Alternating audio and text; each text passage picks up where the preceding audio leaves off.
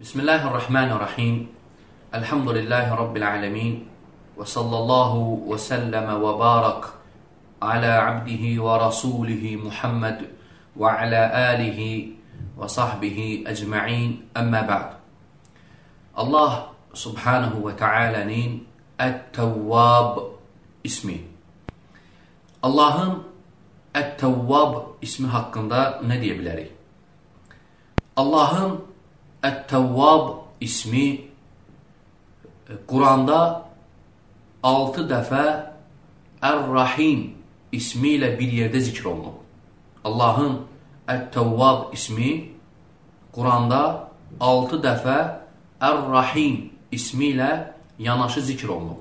Məsələn, Allah Təbarəkə və Teala buyurur: "Və ənə və ənə təvvabur rahim."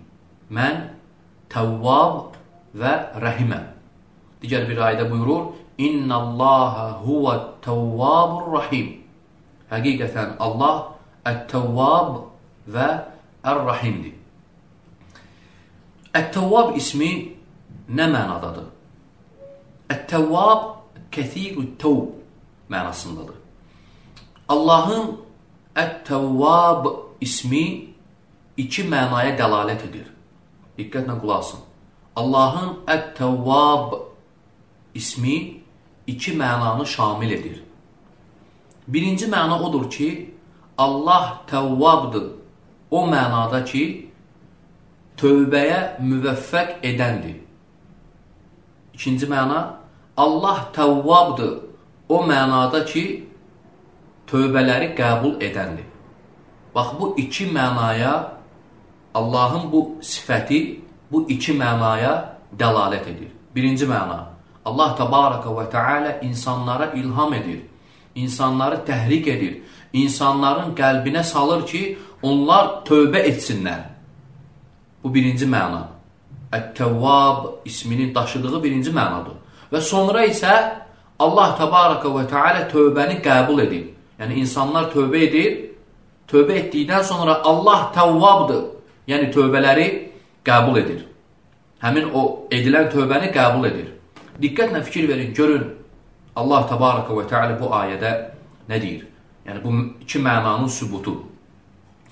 Laqad taballahu alan-nabiyyi vel-muhacirin vel-ansarillezina ittaba'uhu fi sa'atil usra. Allah peyğəmbərin də və çətin vaxtı onlara tabe olan mühacirlərin və ənsarların da tövbəsini qəbul etdi. Fikir verin ayənin əvvəlinə. Ləqad təballah. Allah qəbul etdi. Sonra ayənin axırında Allah təbarəkə və teala buyurur: "Thumma təbə aleyhim." Sonra onların tövbəsini qəbul etdi. Subhanallah. Yəni ayənin əvvəlində də tövbə, axırında da tövbə. Yəni iki dənə tövbə oldu.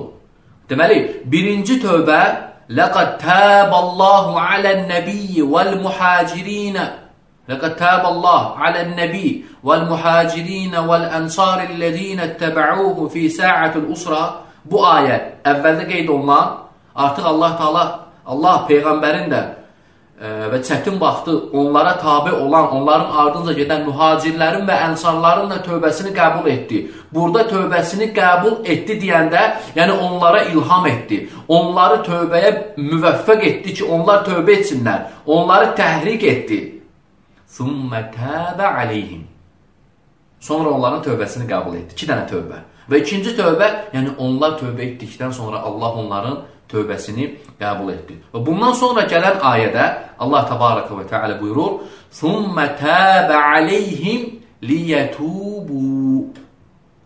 Sonra onların tövbəsini qəbul etdi, liyətubu. İki dənə tövbə. Birinci tövbə, tövbəyə ilham etdi, tövbəyə müvəffəq etdi, onları tövbəyə təhrik etdi, liyətubu, tövbələrini qəbul etsin deyə. Xulasə, Allah təbarəkə və teala tövbələri qəbul edəndir. Ət-Təvvab iki mənanı şamil edir. Bir, müvəffəq edir, iki, qəbul edir. Və insan bunu biləndən sonra bilməlidir ki, onun Rəbbi, onun Rəbbinin rəhməti əzəmətlidir Vallahi tövbə etmək bütün insanların ömrünün vəzifəsidir.